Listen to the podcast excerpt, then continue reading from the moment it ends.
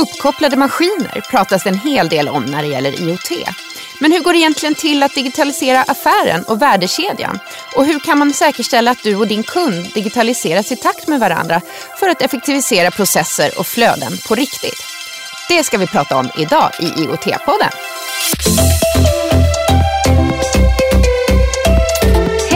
Lisa Reiler, kommunikationschef på Reilers. Vi tycker att IoT-podden är viktig för att den förmedlar de möjligheter IoT erbjuder. Jag heter Mats Lundqvist och jag är VD för Telenor Connection. En av de största möjligheterna med IoT är möjligheten att ändra ett företags affärsmodell genom att gå från produkt till tjänst. Jag heter Lina Gallov och jag jobbar på Elmia Subcontractor som är Sveriges största industrievent för inköpare och produktutvecklare inom tillverkningsindustrin. Vi stöttar IoT-podden för att i år breddar vi mässan och satsar extra på Internet of Things. Varmt välkomna till IoT-podden som är en podcast som ny teknik ligger bakom.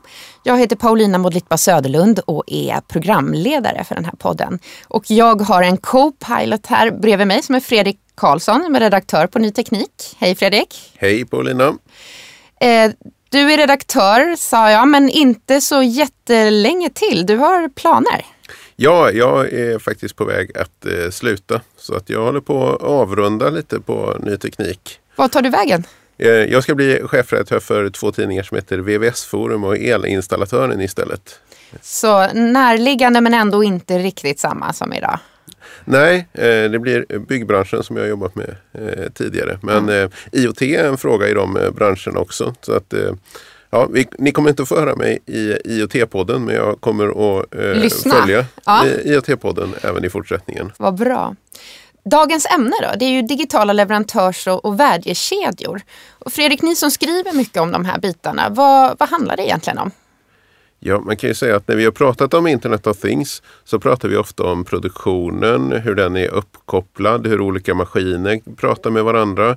Men samtidigt eh, har jag förstått efter att ha pratat med en del, eh, särskilt inför det här avsnittet, då, att idag så går det ofta till så att någon ringer in en order. Eh, den här ordern skrivs in i ett system, den skrivs ut man eh, kollar av sitt system, man ringer kunden igen och följer upp. Ja, jag skulle kunna fortsätta eh, mm. länge och prata om det. Eh, men istället så skulle man då kunna få in allting i samma system så att kunden lägger en order i ett system som är ditt system som också är kopplad till produktionen. Med stora vinster för både den som producerar och för kunden. Ja, eh, precis. Och sen eh, ytterligare en sak är då också att man eh, kan eh, beställa. Det, en order är inte en stor, sån stor sak så att man kan beställa i små eh, batcher eh, mm. som det heter då för eh, produktionen. Inte ett halvårsvis produktion åt gången. Utan lite, lite i taget. Mer lean och i realtid helt enkelt kanske man kan säga. Exakt, och, och vi har ett väldigt bra exempel på det i eh, dagens avsnitt. Mm. Jag kommer att prata med Christian Silvasti som är avgående koncernchef för eh, Emballator. Mm. Och eh, där har de gjort en stor resa. Och där kan vi verkligen se Internet of Things i praktiken. Mm. Vad spännande med ett konkret case så man verkligen förstår vad det handlar om och hur man kan jobba med de här bitarna. Ja. Och han har varit en väldigt viktig ledare i den här transformationen har jag förstått också. Absolut. Han är en väldigt inspirerande person eh, som alla kommer få höra. Mm. Men eh, vi har en eh, inspirerande person som sitter bredvid oss här nu, eller hur? Ja, och det är ju dagens gäst, Örjan Larsson, som är senior analytiker på Blue Institute. Innan vi går över till att diskutera det här väldigt intressanta ämnet så tänkte jag att du ska få introducera dig själv lite mer. Mm, tack. Ehm, ja, jag finns som sagt till vardags på ett forskningsinstitut som heter Blue Institute. Och, ehm, eh, vad vi försöker vara bra och duktiga på det är att förstå det här med, med, med näringslivets utveckling och speciellt vad som händer i industrins eh, värdesystem och värdekedjor. Och, och, och, mitt specialområde där är som sagt då industrins digitalisering kan vi säga i, mm. i runda slängar. Mm. Vilka är det som ligger bakom Blue Institute? Är det, det är ett privat eh, företag? Det är ett privat eh, stiftelsebaserat eh, oberoende eh, forskningsinstitut. Mm. Och vi har funnits ungefär tio år förutom det så är jag också engagerad i eh, något som heter PIA. PIA står för process industriell IT och automation och ett av de strategiska områden som Sverige satsar på för att försäkra sig om framtida svenska exportframgångar. Och eh, där finns jag i ledningen för PIA.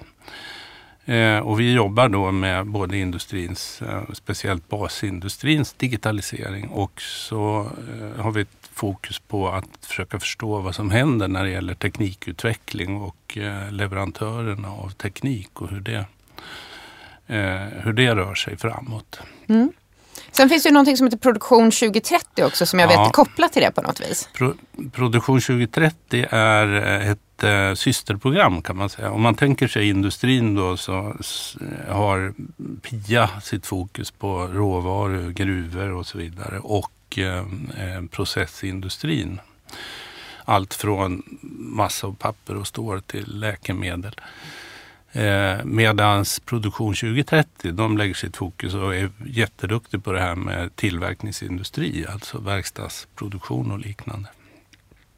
Eh, före det här då så har jag en eh, lång bakgrund inom ABB och har eh, jobbat eh, med industriell IT och automation inom ABB en väldig massa år. Så att i, i princip har jag ägnat mitt liv åt det här med industrins, det vi idag kallar digitalisering eller industrins datorisering som vi sa förut. Mm.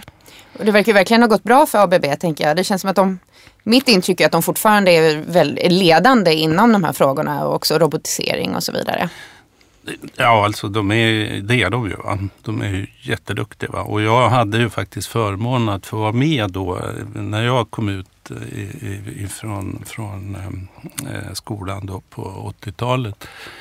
Eh, så fick jag vara med om den första vågen av det som hände. Det vill säga eh, när vi började automatisera industrin och när ABB la grunden för sina framgångar som, som, som har gjort att de har blivit världsledande. Mm. Så, så, så, att jag har haft förmånen att få vara med om den eh, stora revolutionen och den som är på väg nu.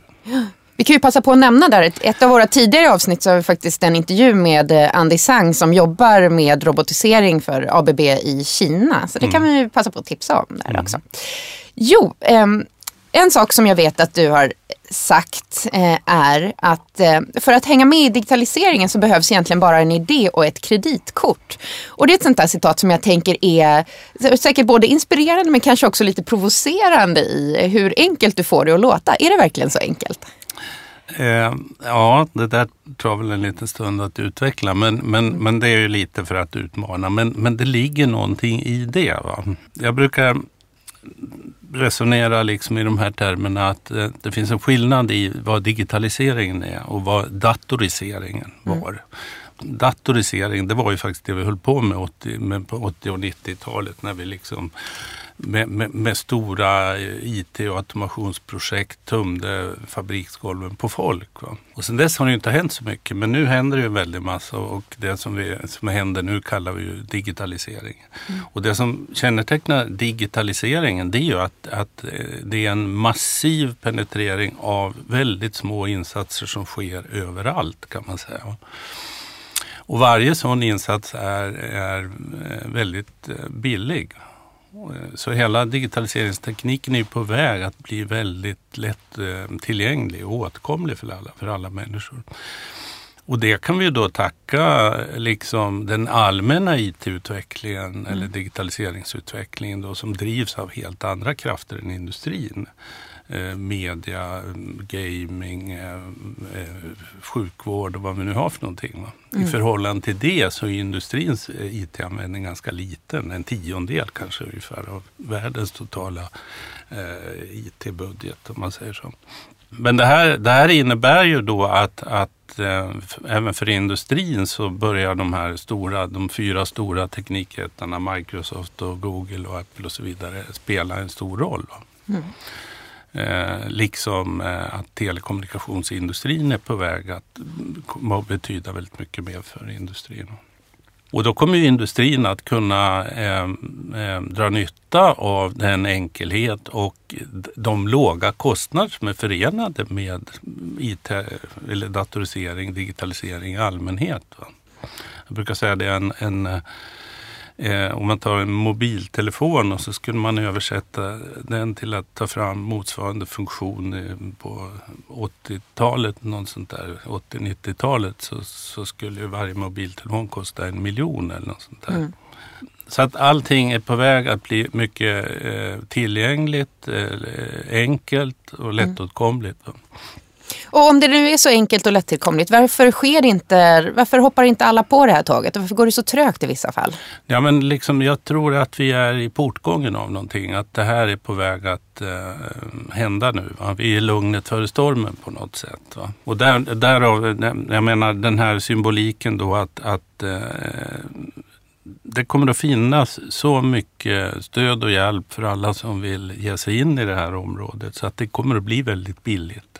Och det kommer att finnas väldigt mycket, mycket funktionalitet som, som, som gör det enkelt för folk att, att kunna erbjuda någonting och kunna bidra liksom till någonting även i det industriella systemet. Mm. Därav min, min, min idé med ett kreditkort och en eh, internetuppkoppling och en god idé. Va? Du, jag tänker mycket på det här med, vi pratar mycket om uppkopplade maskiner och så vidare. Men det som är intressant i det här det är ju själva liksom, datainsamlingen och den kollektiva smarthet som möjliggörs genom att maskinerna sammankopplas. Vad är, vad är din tanke där? För spontant känns det som att man inte riktigt har kommit dit när man förstår nyttan i att använda data på, på bra sätt.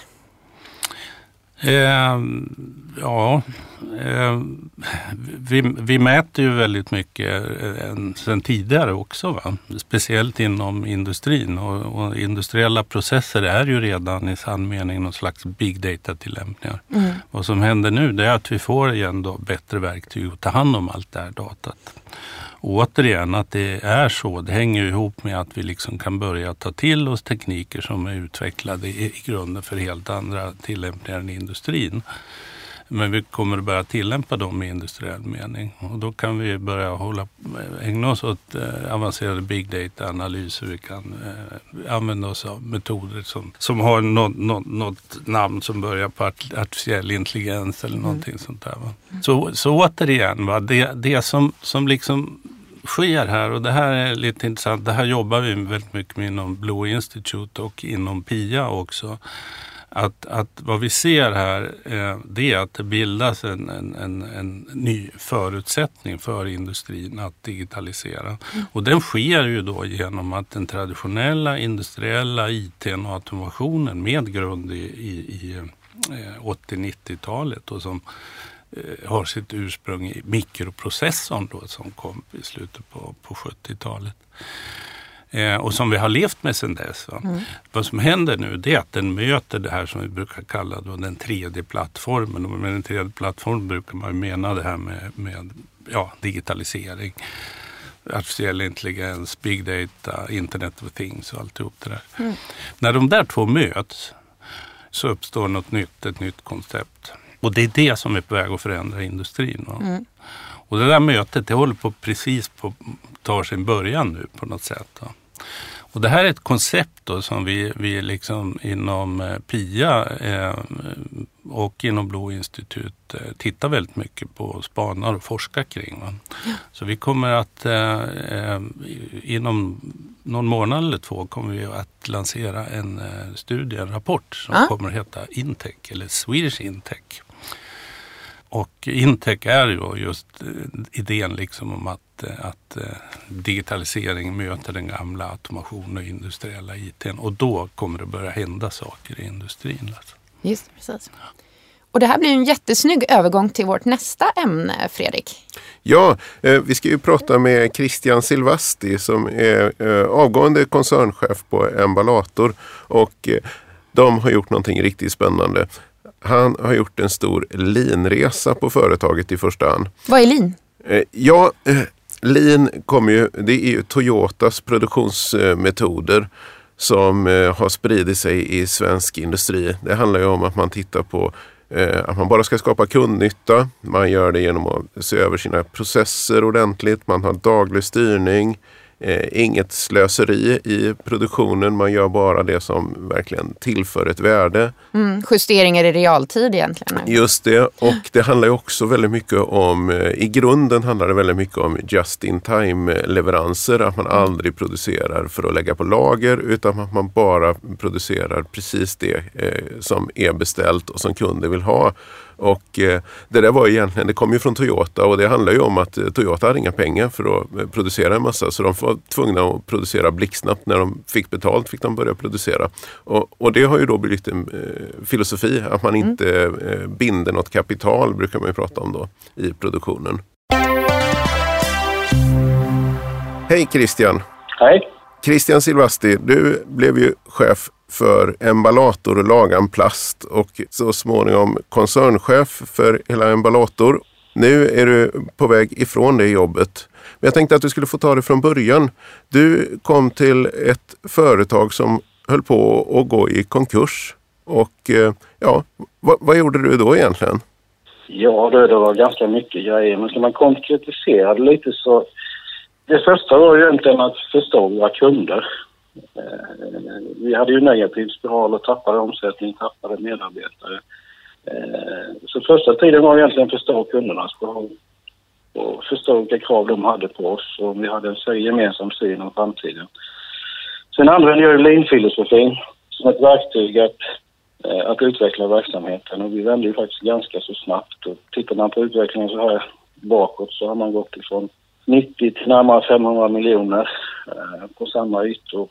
Så det var en ganska bra resa. Men man kan väl säga så här för att knyta ihop säcken att lean-filosofin är ju egentligen ett sätt att integrera kunderna, kundernas kund, eh, tillverkningsprocessen hos kunden hos oss, leverantörsnätverken, distributionen, marknadsföring, redovisning, ledningssystem. Eh, och det man kan säga efter några år med ständig tillväxt och kunderna var med och vi hade kommit in hos kunderna så har vi gemensamt utvecklat både kundernas och våra egna verksamheter.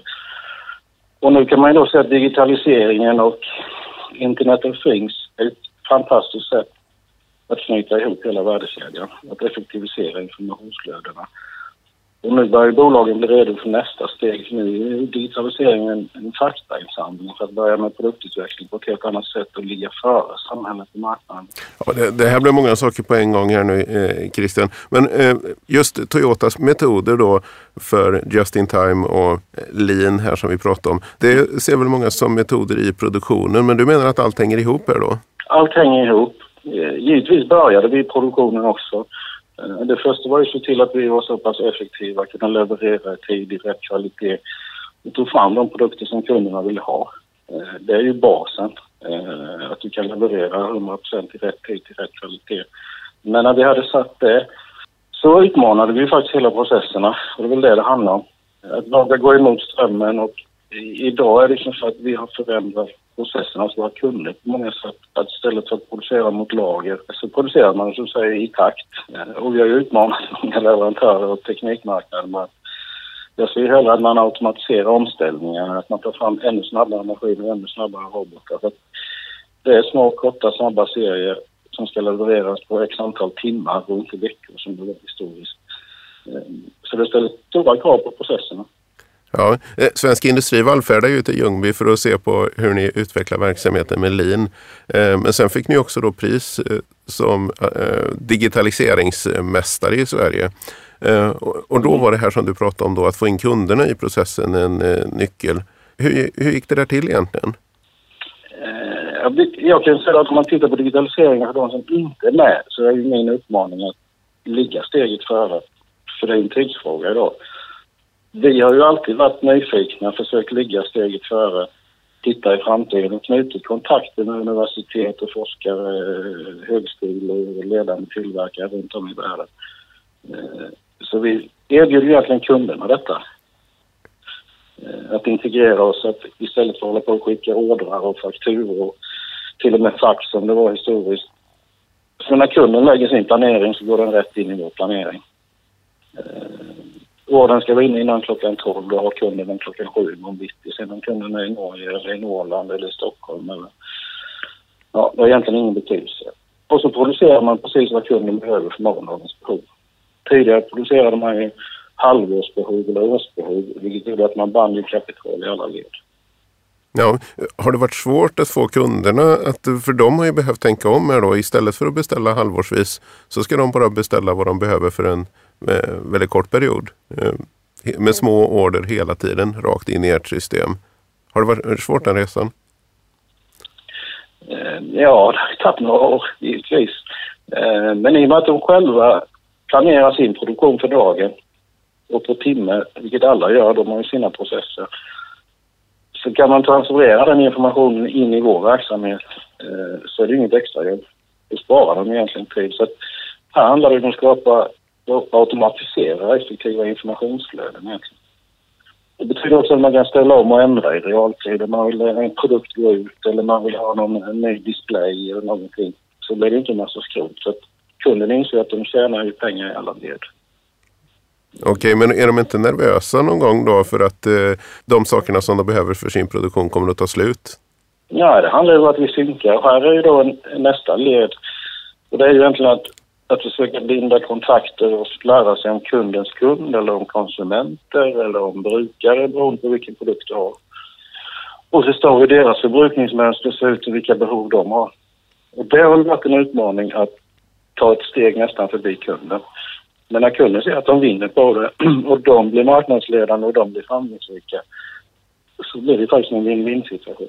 Ja, vad har varit eh, svårast? Är det några, andra utmaningar med den här processen? Eh, alltså tittar du på leanfilosofin i grunden så handlar det faktiskt om att ledarskapet är grunden. Att alla varje dag ifrågasätter sin verksamhet. Kan vi göra det här lite bättre?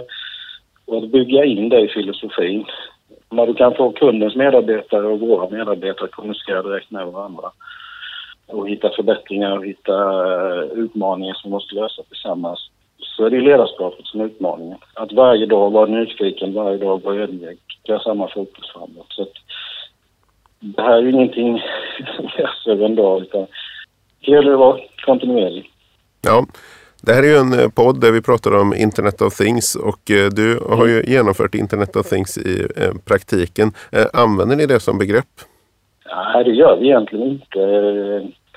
Alltså digitalisering och Internet of Things är lite för diffus för den stora massan.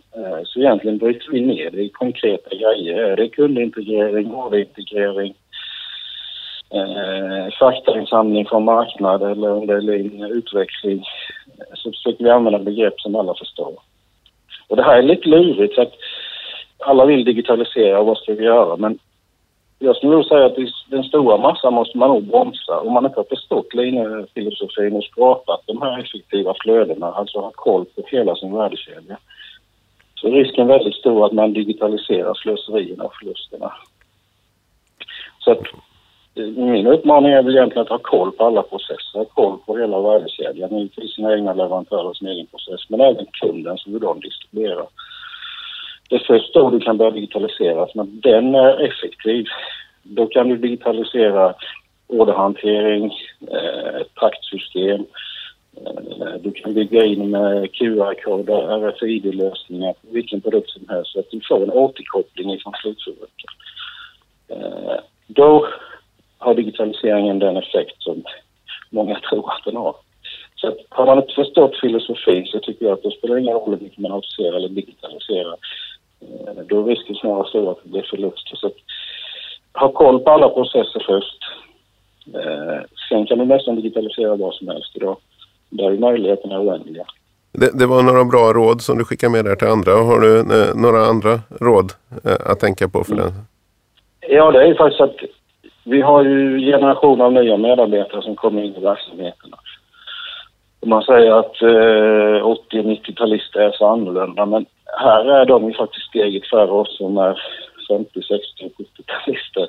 Eh, de är ju vana vid de här verktygen. De kan samla in fakta, de kan hitta möjligheter.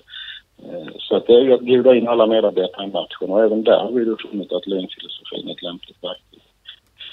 Eh, att alla ska kunna växa i organisationen eh, och vara uppkopplade och finna möjligheter. Ja, det är en eh, väldigt spännande resa som ni har gjort som du har lett hos Emballator. Själv kliver du av nu och är på väg vidare. Vad ska du hitta på? Jag har faktiskt inte bestämt mig lite. Jag är lite bollplank till folk här och där men jag har väl givit lite för mycket energi så att jag har, min hjärna har väl skurit lite om jag ska vara ärlig. Så att jag kommer väl vila och fundera på hur jag ska hitta en balans där jag inte bara ger energi utan även få in energi. Eh, vi eh, önskar dig lycka till med det och eh, mm. tack för att du delar med dig av det här i IoT-podden och lycka till! Tack så jättemycket! Mm, här fick vi höra väldigt konkret om hur Christian Silvasti har drivit igenom digitaliseringen av hans verksamhet och just eh, digitaliseringen av leverantörskedjan. Och du Örjan, du jobbar ju med någonting som benämns den digitala stambanan. Vad är det egentligen? Ja, den digitala eh, stambanan är ett initiativ som togs av de två strategiska innovationsprogrammen eh, Produktion 2030 och PIA Mm. Och just därför att eh, vad vi eh, ser och förstår och inser är ju liksom att, att eh, det vi kallar en smart industri, det är en, en, en industri som där dataströmmarna är lika viktiga som de fysiska flödena. Mm. Digitala stambanan har vi då drivit som en förstudie under ja, snart ett år här och kommer fram till vissa saker. Och nu tar vi det vidare till ett projekt som går ut på att vi kommer att verka för och titta på hur de här dataströmmarna kan, kan bidra till att vi ökar effektiviteten i industrin och industrins värdekedjor, värdesystem. Och också skapar nya kundvärden, det, det man brukar kalla affärsutveckling. Då. Ja. Jag vill nog säga det att för oss eh, är stambanan mer, mer en fråga om hur man utvecklar verksamheten om, eh, än om att det är ett infrastrukturprojekt. Liksom. Och på vilket sätt då? Nej, men jag tror att det är så här att eh, bandbredd och, och kommunikationskapaciteter det löser sig nog i takt med att efterfrågan kommer man kan säga det att det här projektet syftar till att skapa efterfrågan på bandbredd genom att öka dataflödena i industrin. Dataflödena eh, kommer att få andra värden. Va? Och eh, i det här projektet så kommer vi då naturligtvis också adressera sådana här viktiga frågor som, som eh, vi har en vi har en dålig diskussion om i Sverige tycker jag. Åtminstone i, i, i det industriella sammanhanget. Om så vem äger data? Mm. Hur, hur, hur ser de, det legala systemet, hur behöver det se ut kring, kring datat? Liksom? Och det tror jag är väldigt viktigt därför att företagsledare och industrin de kommer inte agera fullt ut förrän att de känner någon slags förtroende och trygghet i den frågan. Och hur skapar man den tryggheten? Vad behöver göras? Ja, alltså det här är ju ingen fråga som, som är unik för Sverige. Så det här är ju en del för det globala industriella systemet. Va? Så det händer ju saker. Men man kan bland annat se att i Tyskland runt Industri 4.0 och Fraunhofer och det systemet. Där för man det, har man den här diskursen på ett annat sätt än vi har i Sverige. Jag tror vi behöver lyfta den. Men konkret, vem tycker du, vems ansvar är det att lyfta den? Ja, vems ansvar? Det är ju ett, en, en idé vi har inom ramarna för det här projektet Digitala stambanan. Att det kan vara en plattform för att lyfta den här frågan. Mm. Det finns ju också en annan aspekt på det här med datat och värdet på datat. För att om, om, om, om vi nu börjar säga att dataströmmarna och dataflödena är lika viktiga som de fysiska flödena i industrin och datat börjar bli värdefullt, då måste vi också kunna värdera datat i företagens redovisningar. Och där har vi inte heller några metoder utan de, de försök man gör, då använder man ju konventionella redovisningsmetoder. Va? Men det finns ingen ny praxis för hur man värderar datat i bokföringen. Nej. Så det är också en intressant fråga. Här. Ja. En annan sak som slog mig just i intervju med Christian Silvastri här, det är ju ledarskapet och hur otroligt viktigt det är. Det känns som i det här fallet så är det liksom man märker hur viktigt det var att Christian kom in och satte ner foten och skapat rätt förutsättningar och involverat de anställda och så vidare i hela digitaliseringsresan. Och du har ju många års erfarenhet av ledarskap och att driva igenom och förändra såna här, den här typen av verksamheter. Vad, är det något särskilt du reflekterar över där? Jo, men det finns väldigt mycket att reflektera över i, i, i de sammanhangen. Och vi, vi har ju i vårt arbete med de här frågorna så har ju vi väldigt eh, tajta kontakter med företagsledningarna i både stora svenska företag och de mindre svenska företagen. Och det är väl rätt tydligt att för eh, bara en tre, fyra år sedan så, här, så var osäkerheten mycket större. Man, digitalisering hade helt plötsligt blivit ett ord va, som var svårt att förhålla sig till. För digitalisering kan ju vara vad som helst mm. i, i, stort sett. Va. Så vad var det för någonting och vad gör vi? Nu tycker jag nog att, att, att eh, åtminstone de stora företagen liksom tycker sig i alla fall ha förstått och tagit greppet och så börjar man göra saker.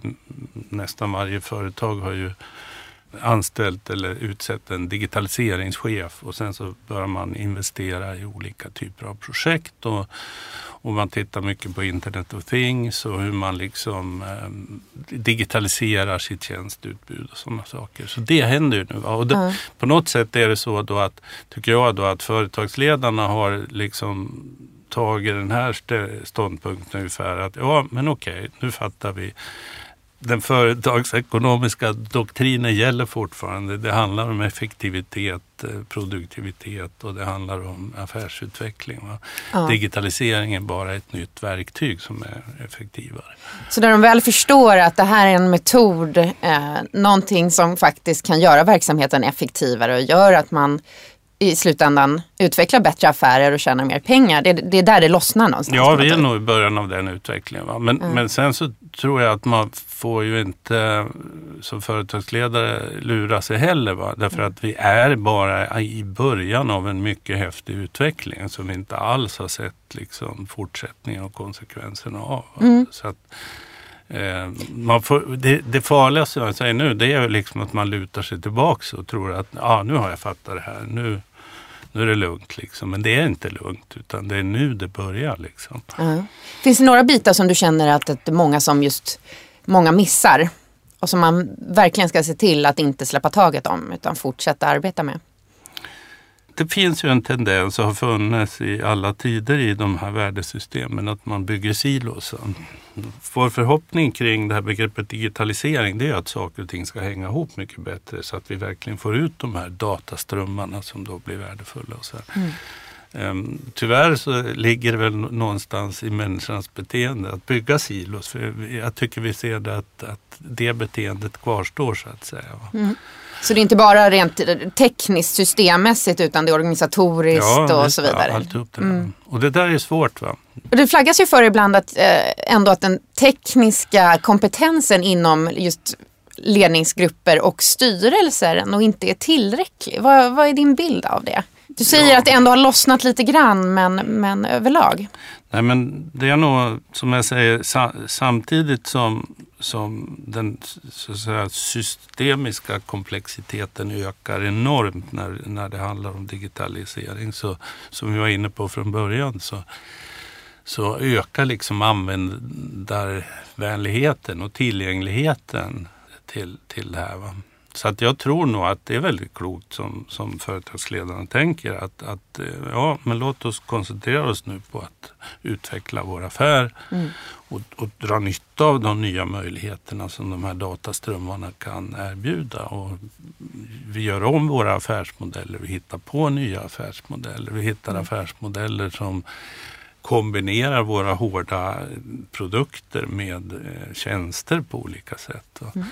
Det är som vi brukar säga, det är kanske så att eh, de eh, riktigt stora vinnarna i den här förändringen, revolutionen som digitaliseringen kan, kan bli då.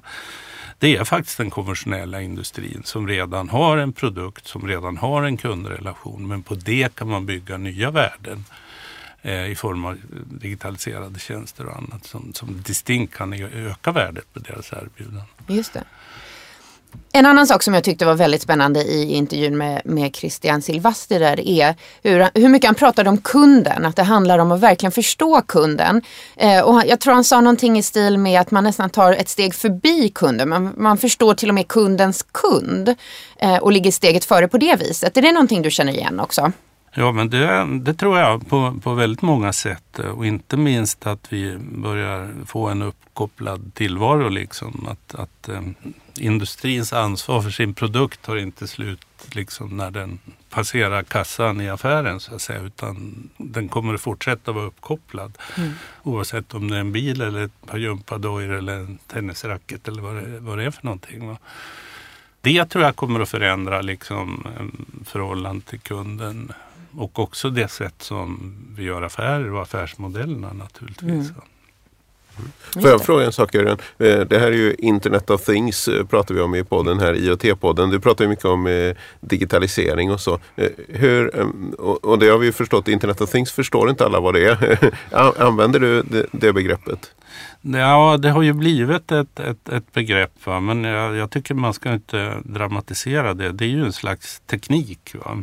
Igen en, en del av den teknik som kommer att göra saker mycket enklare. Och, och, och, och, i min värld så är det då en teknik som kommer att bidra starkt till att öka de här dataflödena. Va? Och sen är det väl samma sak där. Alltså det pratas väldigt mycket om, om, om, om Internet of Things. Eh, det har ju egentligen inte tagit fart heller på riktigt. Åtminstone inte inom, inom industrin. Liksom. För att de standards och annat som behövs är ju inte riktigt på plats än. Mm. Mm. Nu börjar det bli dags för oss att avrunda men jag tänkte att vi skulle avsluta med att lyfta blicken lite. Vad tycker du är allra mest spännande i framtiden när det gäller just de här frågorna? Det är ju naturligtvis att, att det här är på väg att på riktigt revolutionera industrin och, och det sätt det kommer att revolutionera industrin på är ju just det här som jag återkommer till hela tiden. Att, att vi får en industri där vi kan tänka oss att vi, vi har liksom den gamla vanliga fysiska flödet av varor och tjänster. Mm. Men parallellt med det kommer vi ha dataströmmar som, som är lika viktiga och kommer kunna värderas lika mycket. Mm. Och det kommer ju att förändra jätte, jättemycket saker. Och, och, och runt det finns ju sådana här resonemang om digitala tvillingar som ju redan förekommer. I framtiden kommer hela värdesystemen att ha en digital tvilling i, i cybervärlden. Liksom. Uh. Och jag tänker på det här vi inledde vår diskussion med att allt som behövs i digitaliseringen är en bra idé och ett kreditkort. Var kommer kreditkortet in i bilden?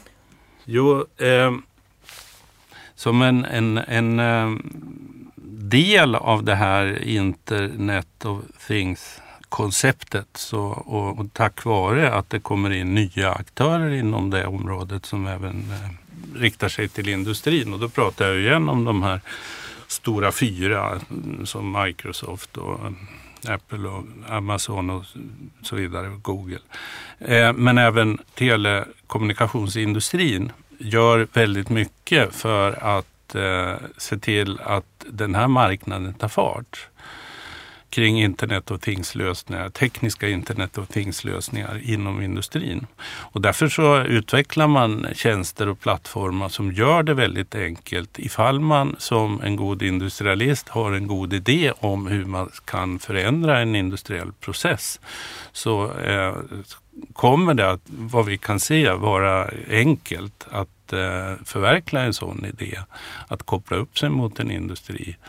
Och eh, i stort sett så behövs det nog bara en, en dator, en internetuppkoppling och ett kreditkort så kan man börja. Då så. Där tycker jag vi avslutar vårt samtal. Tack så jättemycket Örjan Larsson, senior analytiker på Blue Institute för att du var med oss idag. Tack så mycket. Tackar. Ja du Fredrik, en idé och ett kreditkort. Vad, vad tänker du om det här? Ja, han får det låta väldigt enkelt men eh, han är ju någonting på spåren där. Att eh, det gäller att ha eh, fokus på sin egen verksamhet och att eh, göra någonting som kunderna verkligen vill ha. Och sen så finns det ju faktiskt då, det är ju det som är hans poäng, att det finns andra som tillhandahåller eh, infrastrukturen som man behöver för mm. att koppla upp sig. Så man behöver inte göra det mer komplicerat än vad det faktiskt är? Nej, men eh, det gäller ju ändå att hänga med och veta vilken infrastruktur som man behöver och vilka möjligheter som finns där ute. Ja, och det tycker jag, det jag tar med mig mycket här är just det här med kunden i centrum. Eh, bland annat att man, det här är en utveckling som sker i samråd med kunden för allas bästa. Men också det som Christian Silvasti sa gällande att bjuda in alla i organisationen att delta i digitaliseringsprocessen också.